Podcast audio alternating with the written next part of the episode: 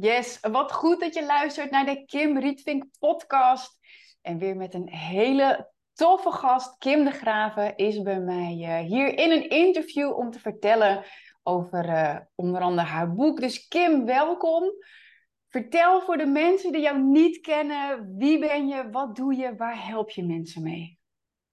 Ja, ik denk, uh, we hebben allebei dezelfde kernwaarden, denk ik, als ik nu even mag invullen, dus vrijheid. En um, het liefst van al help ik mensen zoveel mogelijk uit de rat race, noem ik het dan. Dus echt het verhaal dat je in zit, waar je toch elke keer meer, harder, voor vaak te weinig um, bezig bent en het werken bent. En dan uiteindelijk daaruit raken om uiteindelijk te zien dat wanneer dat je alles omdraait en eigenlijk veel meer vanuit rust en plezier en eigenlijk Um, ja, laten we nu even het woord flow noemen. ja. uh, maar goed, hè? Uh, dat gaat gaan werken, dat je eigenlijk net um, financiële vrijheid creëert en ook daarbij als gevolg mentale vrijheid creëert. En die is echt wel heel cool. En dan, um, ik ben financieel business stratege, dus het zit echt op leren spelen met tijd, energie en geld. Het is echt één spel en plezier. Ja, heel tof dat je dat zegt. Daar geloof ik zelf dat een van de struggles van de mensheid nu nog zit. Is dat iedereen het ook zo serieus kan nemen. En eigenlijk ook wat jij zegt, vastzitten in die red race van het verhaal. We moeten meer werken, harder werken, want dan hebben we dan en dan vrijheid. Mm ja, ik denk ook uh, en weet ook gelukkig dat dat heel anders kan. Maar ja, ik ben heel erg benieuwd. Ik heb jou uh, destijds, zat jij in Mexico, volgens mij was ik er bijna in hetzelfde moment. Je schreef een boek. Waarom? Waarom een boek? Ja, um, de, ik, ik wil echt, echt je, hebt mensen die, je hebt mensen die kiezen voor high-end en dan veel meer um, kiezen voor klein, kleinschalig. Hè? Dus, dus zoveel mogelijk um, hoe zei je dat, zoveel mogelijk uh, transformatie op één persoon. Ik ben veel meer van, ik wil de massa bedienen. Ik wil zoveel mogelijk mensen kunnen dienen, um, omdat ik een zo groot mogelijk uh, ripple effect wil creëren van dit. En um, een van de vragen die ik vaak krijg van mensen die er helemaal niks van snappen is, ja, maar als iedereen financieel vrij is, wie werkt er dan nog? Mijn schoonmoeder vroeg het laatst. En, uh, en, en net heel veel mensen. En op een veel puurdere manier. Want iedereen heeft zijn, zijn taak gekregen bij zijn geboorte, bij wijze van spreken. En dan voelt je ook heel erg waarvan dat je geniet als je talent gaat volgen. En, en iedereen heeft iets. En, en daar kan die in dienen. Dus als iedereen zijn plek inneemt, ja, dan, dan wordt het pas mooi. Want er is niet zoiets als, oh, ik ben financieel vrij en ik wil niet meer dienen. Bijdragen is sowieso iets wat in ons zit. Daar worden we gewoon gelukkig van. Ja. ja, ik heb het letterlijk ondervonden dat wij uh, vorig jaar ons huis verkochten en er echt, nou ja, goed, naast het bedrijf ook nog eens een klap geld vrij kwam. Toen dacht ik, hé, hey, nu ga ik niet meer werken. Nou, ik dacht, ik wil fulltime moeder zijn. En dat heb ik toen, daar heb ik ook mee geëxperimenteerd. Maar ik kwam er letterlijk achter wat jij zei. Dat was voor mij helemaal geen vrijheid. Hmm. Ik denk dat meer en meer mensen ook gaan zien van met meer financiële vrijheid gaan meer mensen doen wat ze echt willen, omdat er geen financiële druk meer is van geld moeten verdienen. Ja. Dat is hoe ik het zie. Ja, inderdaad. Dat is het hele stuk. En en die is heel mooi. En uiteraard zijn er vrouwen, en, en dat is weer zo mooi, uiteraard zijn er vrouwen die dolgelukkig worden van fulltime moederschap. En dan is dat ook helemaal prima. Um, Maar dat is, dat is inderdaad niet aan iedereen gegeven. En dat kunt je voelen, zoals dat jij zegt, als je financieel vrij wordt. Dan, en, en het is niet zo van eerst financieel vrij worden en dan pas kunt je voelen voor mij voelt het net omgekeerd. Ga doen waar je plezier in maakt. En geld komt altijd naar de frequentie van plezier. Het is eigenlijk heel simpel. Ja, ja. Hey, ik ben ook benieuwd, hè, want je, de titel van je boek is Freedom Unlocked. Ja. Um, en een van, jou, uh, van jouw statements is: je hebt geen geld nodig om financieel vrij te worden. En ik weet nog dat ik dat ook voor de eerste keer hoorde op een evenement. En toen stond ik helemaal aan, want toen had ik het helemaal niet breed. En toen dacht ik, hè? ik heb geen geld nodig om financieel vrij te worden, maar wat dan wel? Wat is jouw visie daarop? Ja, ja, en uiteraard is geld wel het middel. Dus even voor, voor de duidelijkheid, hè, maar het is niet zo. Veel mensen zitten inderdaad bezig in dat stukje. Als ik heb, dan zal ik. Maar dan word je de slaaf van het geld. En dan blijf, wanneer is dan genoeg? Dan, dan houdt het nooit op. Terwijl als je het net omdraait, en dus inderdaad, hè, want je zegt wat heb je nodig? als je dus inderdaad veel meer vanuit je talent gaat gaan uh, werken en veel meer gaat kijken van hé, hey, wat is voor mij zo vanzelfsprekend, maar is dat niet voor anderen? En punt 1, het, het, lijkt niet op werken dan, wat al sowieso fantastisch is. En punt 2 is, er komt veel meer geld binnen omdat mensen net dat willen van u. Je, dat is net het ding. Dus als je daarin gaat staan, en ondertussen heb je wel te leren over geld, dan kun je het ook nog eens goed gaan besteden op de juiste plekken. Um, en de potentie zien en veel meer intuïtief gaan voelen. Wat is, wat is nu het juiste stuk waar ik dat geld mag in gaan investeren, bijvoorbeeld. En dan zei ik, denk, ik, nee, ik denk niet, ik weet dat mensen, zeker in België en Nederland en, en eh, op uw eiland daar, eh, dat, dat, dat, het, dat het gewoon heel snel kan en dat het zelf geen jaar hoeft te duren. Nee. Maar we beginnen er niet aan omdat we er niet in geloven. Ja, en want dat is eigenlijk, ik vat deze heel even samen, want wat jij eigenlijk zegt, hè, um, geld is natuurlijk wel een middel. Um, Alleen wat, wat het belangrijkste is om ook eigenlijk mee te beginnen, is dus je talenten in gaan zetten, daarop gaan focussen. Dat wat voor jou vanzelfsprekend is, daar wat mee gaan doen. Maar ja, geheel terecht. Um, kennis opdoen als het ook om een business gaat, natuurlijk met een business. Maar ook vooral die financiële kennis, dat vind ik ook echt, wat ga je dan met geld doen? Hoe gaat het dan voor je werken? Want ik zie ook gewoon heel veel mensen vooral dan in het geval van ondernemers, maar ook mensen in loondienst die promotie maken, die gaan meer verdienen, komen jarenlang uit een tekort mindset, verdienen meer en geven dus ook meer uit, omdat ze de financiële kennis niet hebben van hoe kan geld voor me werken. Plus inderdaad het geloof dat het voor hen niet mogelijk is. En daar ben ik ook wel benieuwd naar, want in een van je promo-mails schreef je, al voor je boek natuurlijk, ehm, ja, het soort of dat het je frustreert dat mensen dan vragen: wat gaat je boek voor mij betekenen? Hmm. Ehm, en ja, goed, ik herken dat.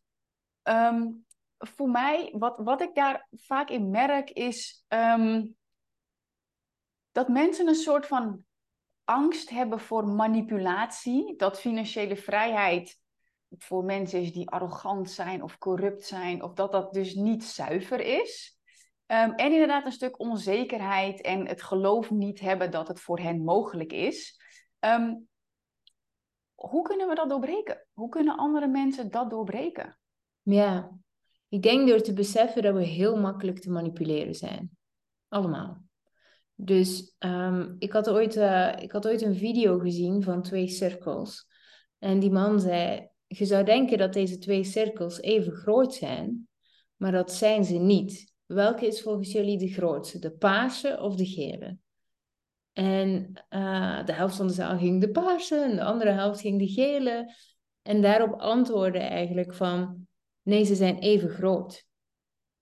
Maar dit gebeurt dus. Dus één iemand zegt tegen u dat ze niet even groot zijn, ook al ziet je dat ze even groot zijn en jij gaat gewoon mee. En dan leren we eigenlijk van jongs af aan. Dus dus eh, weet je, er, er zijn werelddelen die heel andere gewoontes hebben dan ons. Hè? Als je kijkt naar Indonesië, daar kappen ze vingerkootjes af als ze mentaal verlies aan het verwerken zijn. Ik bedoel, je hebt vrouwen die bijna geen vingers meer hebben. Dus voor ons is dat absoluut niet ja, daar denken wij zelf niet aan. Maar ik wil gewoon zeggen, het, het hangt er zo vanaf in welk werelddeel dat je zit. Wat dat je ouders geloofden en doorgaven. En wat dat je ziet op tv en zo verder. Maar je wordt constant gemanipuleerd.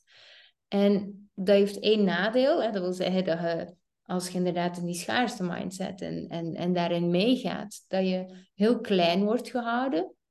En misschien zelf, want we hebben net gezegd, hè, met je talent kunt je rijk worden. Dat is eigenlijk bijna letterlijk wat ik zeg. Maar ja, de meeste mensen zeggen, daar kan ik toch geen geld voor vragen. Dan krijg je dat. maar je kunt het ook omdraaien en zeggen van wow, als ik eigenlijk tot alles toe gemanipuleerd kan worden, dan kan ook alles wat ik wil. Dus, ik, ik, dus alles kan. Dus ik kan alles geloven. En dat is heel interessant. Ja, en hoe, wat, wat zie jij dat mensen zeg maar van die, die schaarste mindset en natuurlijk hoe de, het grootste deel van de wereld waar mensen ook wonen. Ik woon dan op Bonaire natuurlijk sinds uh, anderhalf jaar, ja, iets langer dan een jaar. Maar goed, ik heb ook veel klanten in België en Nederland. En overal, als ik heel even Amerika, waar schulden en dergelijke iets normaler zijn, iets meer ja, gedoogd, zeg maar. Maar hoe zie jij dan dat mensen die shift kunnen maken van hoe we geconditioneerd zijn vanuit onze jeugd, vanuit wat het nieuws ons doet geloven, et cetera. Nou, eigenlijk het wel gaan geloven. Ik zeg niet dat ze meteen moeten denken: yes, ik kan financieel vrij worden, alles is mogelijk. Of zie jij dat misschien dat dat wel handig is? Maar waar zit die shift? Waar zit die doorbraak? Ja, ik denk um, de doorbraak zit door een bepaald uh, laten we het nu even een doel noemen. Hè? Want veel mensen hebben frictie op het woord doel, maar dus een droom met een datum of, of zoiets. Dat is een doel. Uh, dus je hebt een bepaalde droom en, en je gaat die eigenlijk concreter maken. En ook al lijkt die nog heel ver weg, um, kijk dan even welke kleine stappen kan ik, ondanks dat het echt zo super onhaalbaar lijkt, nu toch wel al doen. En, en het ding is, de, de reden waardoor dat we eigenlijk, en dit is wetenschappelijk bewezen, waardoor dat we in de schaarste mindset raken en waardoor dat we negatieve gedachten hebben of eigenlijk focussen op het negatieve, is omdat we gestopt zijn met dromen en doelen stellen. En, en dingen waar, die we echt voelen. Ik heb het niet over de volgende promotie of de, de, de dingen die echt voelen. En dat begint met te durven dromen weer. En um, het ding is, uw brein maakt dopamine aan. Elke stap die je zegt, zet richting dat doel. Dus uw brein beloont u, is eigenlijk uw cheerleader. Uw innerlijke cheerleader. Dus je krijgt steeds meer positieve gedachten. Je gaat steeds meer uit die mindset gaan. Je gaat steeds meer mogelijkheden zien. En, en dan komt je er. Maar van de eerste keer inderdaad iets onhaalbaar zetten is, is mooi. Maar de eerste stap moet wel haalbaar voelen. En dat kan heel klein zijn. En eigenlijk eerlijk gezegd, daar begint het mee. Ja. ja, en ik denk daarin eigenlijk dat het zo simpel kan zijn als wel jouw boek kopen of niet. Of, in de, ja, of in de vraag blijven hangen van, uh, ja, maar wat gaat dit nou weer voor mij betekenen? Of er juist open ingaan van, oké, weet je, ik heb een droom. Ik zie dat het voor andere mensen mogelijk is. Laat ik het gewoon gaan proberen. Dat is in ieder geval hoe ik mijn shift, nou ja, in ieder geval zeven jaar geleden ben gaan maken. Bij mij begon dat met afvallen, daar vrijheid in creëren. Nou, ik zei gewoon, ik weet niet hoe, maar dit is wat ik wil. En toen kwam het universum ook met kansen. Alleen het was wel aan mij om ze te pakken. Ook al wist ik niet wat het voor me zou betekenen. En ik denk dat dat, als mensen zich dat afvragen, ook ja, om jouw boek wel of niet te kopen, of wat gaat het voor mij betekenen. Ik denk dat we nooit iets zeker weten, alleen we kunnen er wel voor zorgen dat iets iets voor ons gaat betekenen. Zo had ik ook uit jouw boek, schreef jij bijvoorbeeld ook, ehm, werken kost geld. Ja, veel. En toen dacht ik, en toen dacht ik wow, super interessante visie. En volgens mij schrijf je daarna over hefbomen creëren en dat soort dingen. Ehm, een paar belangrijke taken uitkiezen waar je echt op focust. En toen dacht ik, wow, weet je, alleen al, neem je uit alles wat mensen kopen of investeren, al neem je één inzicht mee. Ik geloof echt dat dat gewoon een verschil kan maken. Als je dan maar met die intentie iets doet. En ik denk dat sommige mensen met financiële vrijheid nog een soort van luchtkasteel hebben. Als ik investeer, dan word ik financieel vrij. Maar ze vergeten dat er daadwerkelijk ook nog wel dingen voor nodig zijn. Die ook gewoon ja, best wel spannend kunnen zijn. Dat is in ieder geval hoe ik dat heb ervaren. Hoe was dat voor jou? Want ja, je ging andere keuzes maken dan je altijd had gedaan. Je ging waarschijnlijk andere keuzes maken dan mensen uit je omgeving deden. Wat voor, wat voor mentale struggle heb jij daarin moeten overwinnen? Ja, ik denk, oh, ik, ik ben aan het nadenken over één specifiek ding. Ik denk vooral ik dacht, dit is, iets wat, dit is iets wat van mij is, dus iedereen heeft echt iets anders. Maar wat ik echt geloofde was, ik moet alles alleen doen. Want alleen ben ik veel sneller en ik heb andere mensen niet nodig. En dat, maar dat zorgde er dus ook voor dat ik heel hard moest werken. Ehm, en dat ik alles inderdaad alleen moest doen. En als er iets was dat ik bij niemand kon aankloppen. En dat heeft een voordeel dat je kunt zeggen: Ik heb alles alleen opgebouwd. maar maar, uh, maar het, het wordt heel eenzaam, heel zwaar. En op een bepaald moment kun je het ook niet meer dragen. Um, en, en die was ook wel interessant. Dus ik was bezig met financiële vrijheid en ik dacht toen nog wel van eh, geld is de oplossing. Dus ik dacht als ik veel geld verdien en dan investeer, dan zal ik, deed ik ook. Ehm, en dan bijvoorbeeld alleen al leren leunen op mensen. En leren, wat is ook een vorm van ontspanning. En het ding is, als je financieel vrij bent en je kunt niet ontspannen, dan gaat je nooit vrij zijn. Want dan gaat je toch altijd het gevoel hebben dat je ergens iets moet doen.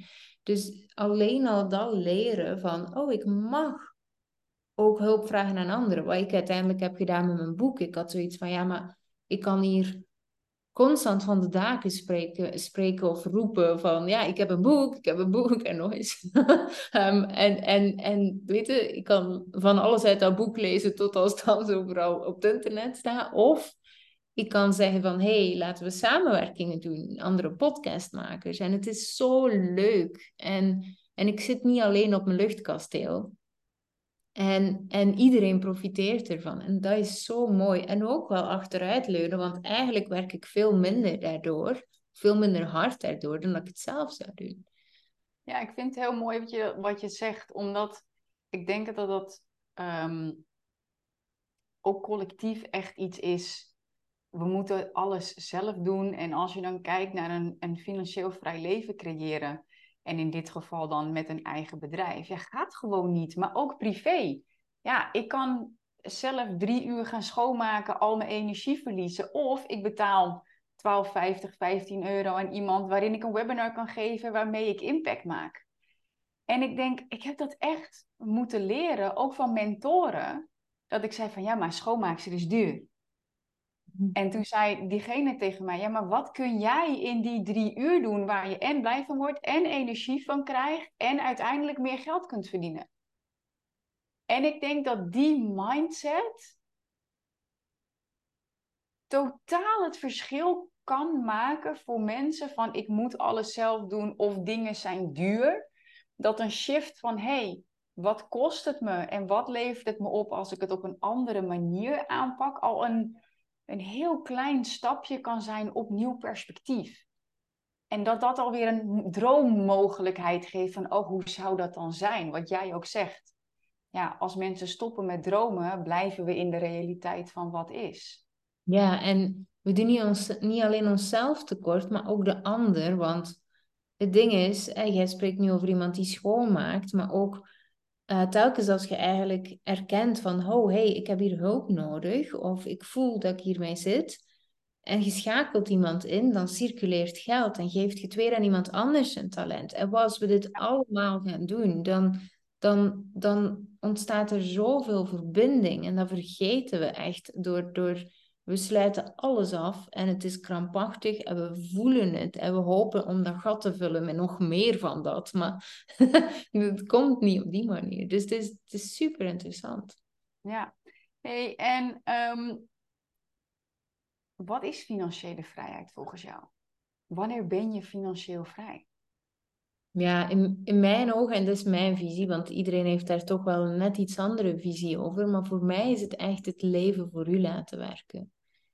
Ehm, veel minder dan, en ik weet dat, dat tegenwoordig, hè, dat, dat, dat er heel veel gezegd wordt van investeren en weet ik veel wat. En ik, ik ben het eens en tegelijkertijd ook niet, want ik, ik leef nu en ik zorg er eigenlijk voor dat mijn investeringen het leven dat ik leef ondersteunen en leuker maken. Dus als ik moet kiezen, en dat, heb ik dit jaar gedaan, dus um, um, uh, ik heb gekozen voor een zwembad.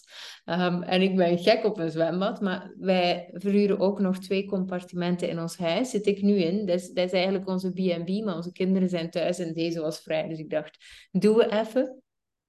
Ehm, dus wij betalen ook geen hypotheek, want die twee compartimenten betalen alles af. Maar als we bijvoorbeeld op reis gaan, dan uh, verhuren we alle drie, dus ook ons eigen huis. En dat hoeft niet, maar dat vind ik gewoon leuk. Dus even terzijde.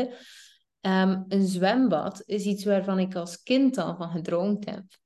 En ik dacht, oh, ik wil een zwembad. En ik heb het bedrag en, en ik wil het investeren. En dan kan ik tegelijkertijd ook meer vragen voor die compartimenten. Want een van mijn dromen is ook om uh, continu te reizen. Dat kan momenteel niet met de keuzes die we maken. We willen ons kinderen een, een standvastige thuisbasis geven en, en daar kiezen we voor. Um, maar ooit wil ik het wel doen. En dan denk ik, ja, zo'n zwembad is ook weer interessant dan. En ik kan ervan genieten. En er was iemand heel erg bezig met investeren. En die zei, ja, ik begrijp niet waarom dat het niet in crypto investeert. Want ja, eerlijk, als je het vijf jaar laat staan, of, of misschien tien jaar, dan kun je tien zwembaden kopen. En I don't care. Het, het kan me echt niet schelen. Ik wil nu dat zwembad. En het brengt me nu al heel veel op, ook financieel. Dus ik denk zo, mijn leven werkt voor mij. En ik ga niet tien jaar ergens gaan zetten, om dan over tien jaar, want dan doe je weer net hetzelfde. Als ik heb, dan zal ik. En ik ben niet akkoord.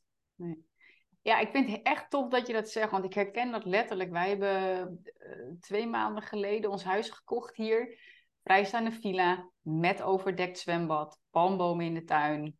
Ehm, maar ja, er kwam een deel uh, vanuit ons cryptovermogen. Terwijl mensen zeiden, ja, maar de wave moet nog komen. En als je nu dat geld eruit haalt, als je nog drie jaar wacht, dan kan het, dan kan het een half miljoen of vijf miljoen waard zijn. En toen zei ik, ja, maar vrijheid is voor mij nu de rust hebben van een eigen huis, waar ik mijn kindje op kan voeden. En niet meer hoeven te hopen dat ik in een huurhuis kan blijven. Dus ik, ik, ben, ik ben ook voorstander van investeren. Nou goed, jij hebt natuurlijk ook verschillende vormen van inkomsten dan. Maar ik denk inderdaad dat heel veel mensen wel ook zo, als ik dat, dan zal ik wel. Terwijl, ja, het leven is ook nu. En nou, ik denk dat wij ook allebei weten dat het leven zo opeens over kan zijn van jezelf of van mensen waar je van houdt, waar je ook over schrijft natuurlijk in je boek. Um, en ik denk dat heel veel mensen ook daar, als ik financieel vrij ben, dan ga ik, terwijl juist die droom vormgeven, wat betekent het voor mij? En daar dan ook praktische kennis voor opdoen. Hoe kan ik dat faciliteren? Ik denk dat dat veel meer vrijheid geeft, wat jij ook zegt, dan een specifiek bedrag wat je eigenlijk ook letterlijk in je boek beschrijft over de twee manieren hoe je dan financieel vrij kunt worden. Of en met het voorbeeld van Bram, volgens mij is dat wat je beschrijft. Ehm. En waarom denk jij dat de meeste mensen niet financieel vrij zijn? Ja, ik denk. Ja, ik denk echt omdat het stuk daar zit omdat we te weinig zien ook. Hè? Er, er, er zit best wel wat taboe op. En eerlijk gezegd, ik weet niet hoe dat het voor u is, maar ik word elke dag, en, en mijn team doet dit, maar ik weet dat er elke dag heel veel zeikmails binnenkomen, heel veel shit um, over wie dat ik wel denk dat ik ben en weet ik veel wat. Dus van zodra dat je eigenlijk iets vertelt over geld en eigenlijk met de intentie van, hey, ik wil dit delen, om, om hè, dit ook aan anderen te gunnen, hoe rap dat je eigenlijk wordt neergehaald. En, en we groeien ook zo op. Hè? Ik bedoel, elke tekenfilm dat we zien in onze jeugd bestaat uit een rijke, uh, kwade man of vrouw hè? die bontjassen maakt van hondjes, weet ik wel. dat soort dingen. Dus we groeien ook op dat het, dat het slechte mensen zijn. Dus het feit dat we misschien die richting uit gaan gaan en afgewezen kunnen worden, ja, is wel heel spannend. Ja. ja, ik kreeg letterlijk van de week een bericht onder een van mijn posts. Ehm, ja, ik verdien zelf meer dan modaal, maar alle rijke mensen die ik zie, die zijn arrogant en die manipuleren de boel. En dan denk ik, ja, die rijke mensen zijn er ook. Er zijn ook onaardige rijke mensen en er zijn ook onaardige arme mensen. Ik denk, dat vind ik altijd zo grappig. Geld krijgt vaak de schuld. Ja. Terwijl het alles zegt over een persoon, zijn conditionering, zijn leven, zijn omgeving. Maar ja, er wordt heel veel inderdaad gewezen naar geld. Ik denk juist dat mensen zoals jij en ik de intentie hebben om het, het goede en het mooie te laten zien van wat geld ook mogelijk maakt. Want wat, wat zie jij? Hè? In je boek stel je volgens mij ook de vraag: maakt geld gelukkig?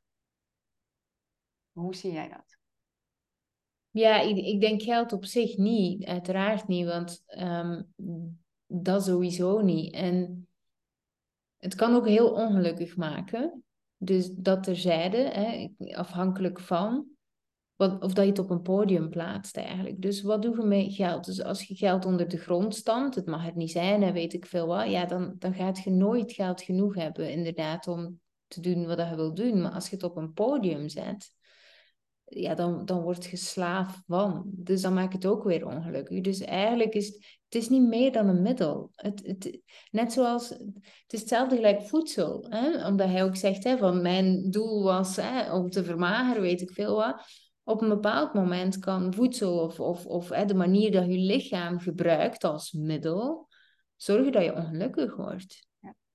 En, maar ook het omgekeerde. Dus het is niet meer dan dat. En als we die vergelijking maken, is het eigenlijk heel gewoon. En ja, klaar.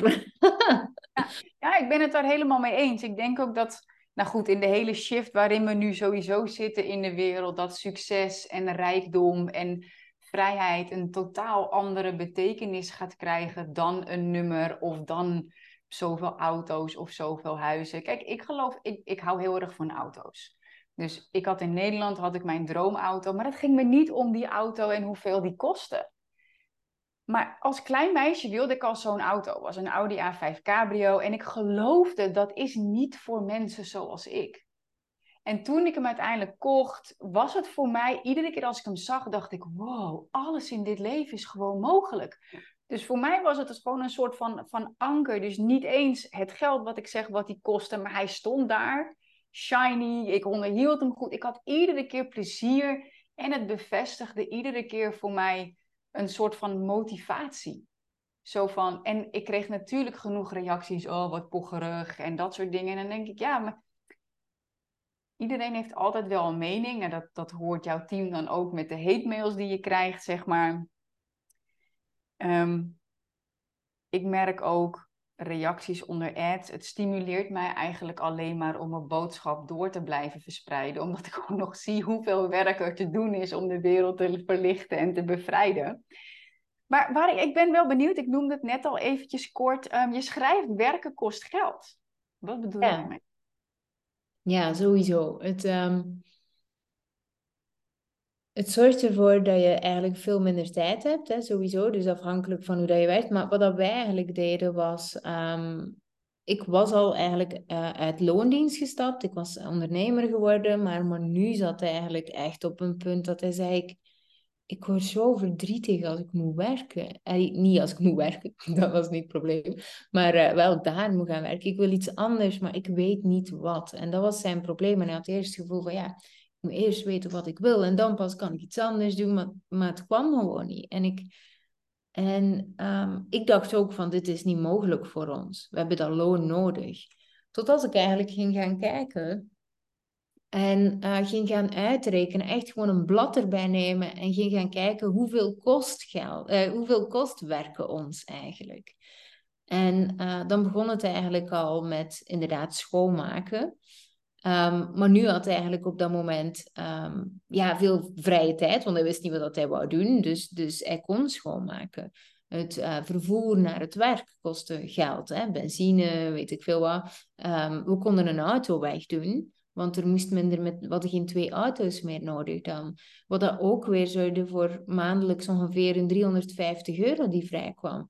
Um, de kinderen moesten veel minder naar de opvang. Uh, we konden gezonder koken, minder afhaalmaaltijden. En eigenlijk gingen we zo doorrekenen totdat we beseften van... Oh my god, we verdienen meer als je stopt met werken. En dan was het klaar. Ja, ik vind dat echt heel erg bijzonder. Want ik denk dat heel veel mensen ook zo'n blinde vlek hebben doordat ze niet zulke andere voorbeelden horen dat, dat dit zo'n zo'n zin is, weet je, werken kost geld, dat mensen daar echt wakker geschud van kunnen worden. En dan, ja, ik gun het ook gewoon dat mensen nu, als ze ongelukkig zijn met dat wat ze doen in hun bedrijf of in loondienst, dat ze ook dat velpapier pakken. En Mm. dat ze eens opschrijven van wat kost die tweede auto. Nou, ik weet Nederland-België zijn de benzineprijzen totaal anders dan wat wij hier betalen. Wij hebben het hier dan relatief goedkoop. En de afstanden hier zijn veel korter. Maar dat is gewoon echt dat ik denk van ja, ga dat eens opschrijven. Wat kost het je? Dat je ook schreef inderdaad, wij haalden twee keer per week eten af. Dat kostte zo en zoveel. Terwijl ja, als iemand de tijd heeft om boodschappen te doen en om te koken. Ja, ik vond dat echt een eye-opener. Dat ik dacht van, oh, ik gun mensen echt dat ze uit hun eigen verhaal en realiteit stappen door zoiets te horen. En dan ook eens gaan kijken met zo'n blad papier of een Excel-sheet of, of AI eventjes een formuliertje laten maken. Ja, ik vind dat echt... ehm, Is er nog iets waarvan jij denkt van, ja, dit kan mensen echt wakker schudden, waardoor ze wel gaan geloven of die eerste stap gaan zetten? Ja, ik- als we het hebben over die eerste stap, en die wil ik misschien nog wel, want eh, ik zeg van, ah, ik kon dan dat werk laten eh, varen. Ehm, het kan ook een uur minder werk zijn, of een dag minder werk, of een dag verspreiden op vier in plaats van vijf dagen. Dus het, dus, dus is maar gewoon, en, en of in discussie gaan met je baas, dat je misschien wat meer wil thuis, weet ik veel. Dus het, dus het, dat is het vooral. Dus wat dat, ik zie dat mensen vaak doen, is ze horen een voorbeeld en dan rekenen ze wel na, maar dan rekenen ze letterlijk na wat ik heb gezegd en dan werkt het misschien niet voor hen en dan is het wel jammer. En dan, en dan, nee, dat is niet wat ik zeg. Dus in plaats van de vorm, de letterlijke vorm over, over te nemen, veel meer de gedachtegang van wat kan wel. Het is het enige, wat kan wel al nu? En, en ik denk, ik heb het al eens gezegd, maar ik ga toch nog een klein voorbeeld daarin geven. Is een van de dingen die ik dolgraag wil doen, is op een podium staan voor duizenden mensen. Dat zou ik echt fantastisch vinden. Dat is ook echt iets waar ik heel erg naar uitkijk. Maar ik plas in mijn broek als ik eraan denk. Dus uh, wat ik eigenlijk ging doen, was weer een blad papier pakken en gewoon van voelsmatig gaan voelen, waar voel ik me wel goed bij? En dan kwamen 1000, nee, 500, uh, 100, nee, 65, nee, uh, of 60. Uh, en dan kwam ik aan 30 en dan dacht ik, oh ja, die vind ik spannend, maar die kan ik misschien wel al, die doen we, die doen we. Um, en, en die heb ik gedaan. Het was verschrikkelijk slecht, het was echt een ramp. Um, maar ik heb wel heel veel geleerd. En de volgende keer had ik er 50. En dan kon ik het supergoed. In mijn hoofd. Er zijn zeker nog dingen die beter kunnen. Maar dus, ik kan nog steeds geen duizend mensen dragen. Want ik, ik wiebel op sommige momenten nog. En ik worstel nog met de techniek. En ik heb nog niet een sterk genoeg offline team. En, en dat weet ik. En dat mag groeien in die kleine stappen. Ja. Ja. ja, ik vind het heel mooi, want ik weet niet of jij daar ook voorstander van bent. Een van de dingen die ik in mijn reis naar financiële vrijheid leerde, was het managen van geld. Ik dacht altijd, als je financieel vrij bent, dan manage je je geld. Maar wat ik leerde was um, van het geld dat binnenkomt, bijvoorbeeld 10% investeren. Of in ieder geval apart zetten om te kunnen gaan investeren. Dus om al die gedachtegang te creëren. Maar Hmm. ik kwam er destijds achter dat met het geld dat wij destijds verdienden, kwamen we daar gewoon niet mee uit. Onze lasten van het huis en hoe we uh, de, de basis, echt levensbehoeften die we hadden toen we nog in Nederland zaten, kwamen we niet uit met 10% wegzetten. Maar toen leerde ik, oké, okay, wat kan wel? Als het echt om die gedachtegang gaat, ik kan wel 25 euro per maand wegzetten in plaats van, weet ik veel, 150 of 250. En toen dacht ik, ja, oké, het gaat dus om het gedrag en niet om het bedrag. En toen zijn we dat gaan doen. En toen gingen we binnen één jaar van één naar vijf inkomstenstromen.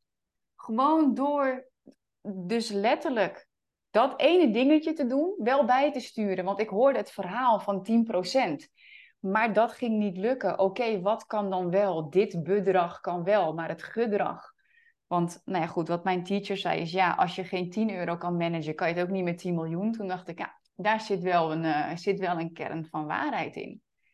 En toen durfde ik ook, omdat er geld specifiek stond, wat niet naar de boodschappen hoefde, durfde ik een eerste aandeel te kopen. Had ik wel ook eerst ingeleerd, gewoon door gratis content.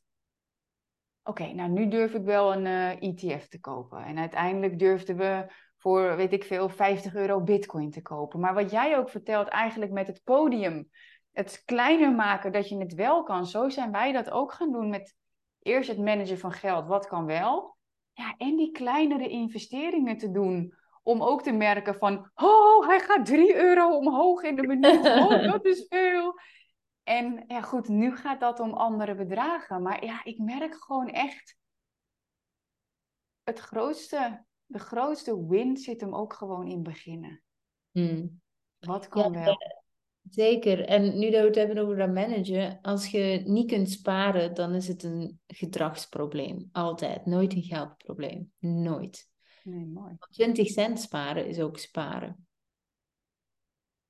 Ik denk dat heel veel mensen dat echt dat niet inzien. Ik vind dat echt heel mooi wat je zegt. Het is geen geldprobleem, het is echt een gedragsprobleem. Ik denk dat dat een hele mooie is. Is er nog iets wat jij, wat jij mee zou willen geven aan mensen? Ehm, wat betreft wat je boek op kan leveren, of wat je gewoon sowieso als motivatie of als inzicht mee zou willen geven om die vrijheid te kunnen unlocken?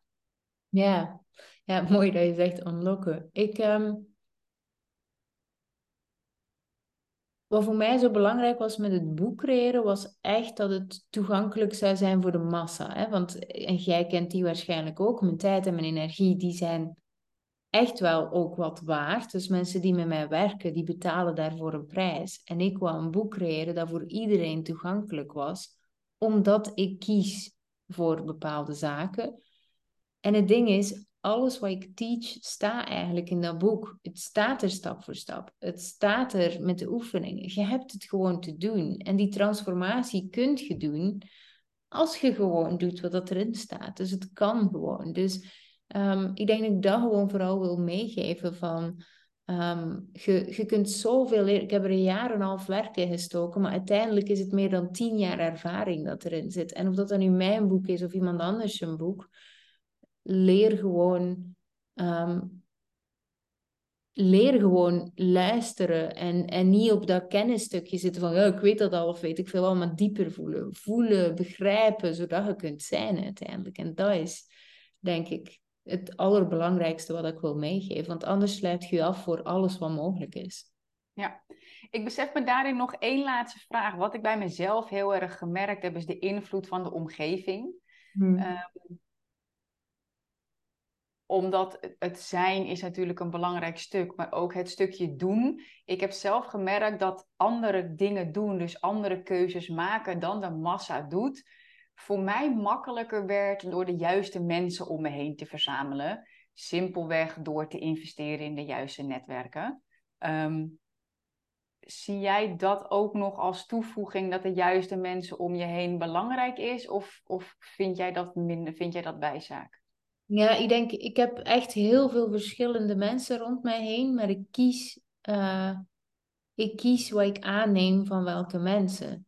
Um, en er zijn bij mij, ik heb echt vriendinnen mee van al jaren die echt midden in de red race zitten. En waar dat ik, als ik hen wil zien, drie maanden op voorhand moet een afspraak vastleggen in het weekend. Dus dat heb ik ook. En ik heb ook heel andere vrienden. Maar ik denk, wat, wat wat zijn mijn, heb ik bepaalde verwachtingen van iemand of niet? Maar als het gaat echt over, hey, wat wil ik? Bijvoorbeeld, ik, ik volg, um, oh, ik weet zijn achter, achternaam weer niet meer, maar goed, een YouTuber en die is in alle landen ter wereld geweest. En ik vind dat, want dat is ook iets wat ik, uh, ik heb hem wel al bijgestaafd naar alle warme landen, want ik vind koude landen iets minder interessant. Maar, uh, maar het ding is dat Manu direct zei, Manu is mijn man, en die zei direct, alle landen, dat kan toch niet? En Noord-Korea dan en zo. En ik ging meteen uh, ChatGPT pakken en ik zei, kunt je Noord-Korea bezoeken? Ja, dat kan dus blijkbaar, onder strikte voorwaarden en zo verder. Maar dus iemand in je omgeving die alle landen ter wereld bezocht heeft, eigenlijk een normale in de dertiger, uh, die het nu al gedaan heeft, dan denk ik, oh my god, maar dit is eigenlijk heel simpel. En ik ben niet vergeten hoeveel landen dat er zijn, dus het klinkt nu waarschijnlijk heel dom. Ik denk 165 of 195, ik weet het niet meer. En dan dacht ik, oh, valt eigenlijk nog wel mee. En ik ben dit ook vergeten, maar ik heb dus uitgerekend um, hoeveel landen dat ik dan moest zien. Um, uh, op x aantal jaar. En dat viel allemaal wel goed mee. En ik dacht, ik kan dit nog. ja, dus... Jij laat je echt inspireren. Jij laat je inspireren. Je kiest, hè. Je hebt verschillende mensen om je heen. Je kiest van wat je van wie aanneemt. Maar je laat je vooral ook echt inspireren door anderen. En vervolgens ga je voor jezelf kijken. Wat werkt voor mij? Of hoe kan ik het voor mij? Inclusief het feit dat je een gezin hebt met een man en kids en een bedrijf kijk je altijd naar wat kan er wel. Hmm. Heel mooi. Kim, super bedankt. Waar kunnen mensen jou vinden? Wat is het makkelijkste om jou te volgen of als ze meer willen weten? Ja, ik denk uh, Instagram is altijd een interessante. Dus uh, kim.de.graven met A-E-V-E. -E. En uh, ja, voor de rest alles afgeleid daarvan. In, wat is het allemaal? Podcast en website. Gewoon die namen, ja. Helemaal goed. Super fijn. Mega dankjewel voor het fijne gesprek, je inspiratie, het wakker schudden van mensen en ook gewoon de hele praktische tips. Dus uh, super, super dankjewel voor dit mooie gesprek. Graag gedaan.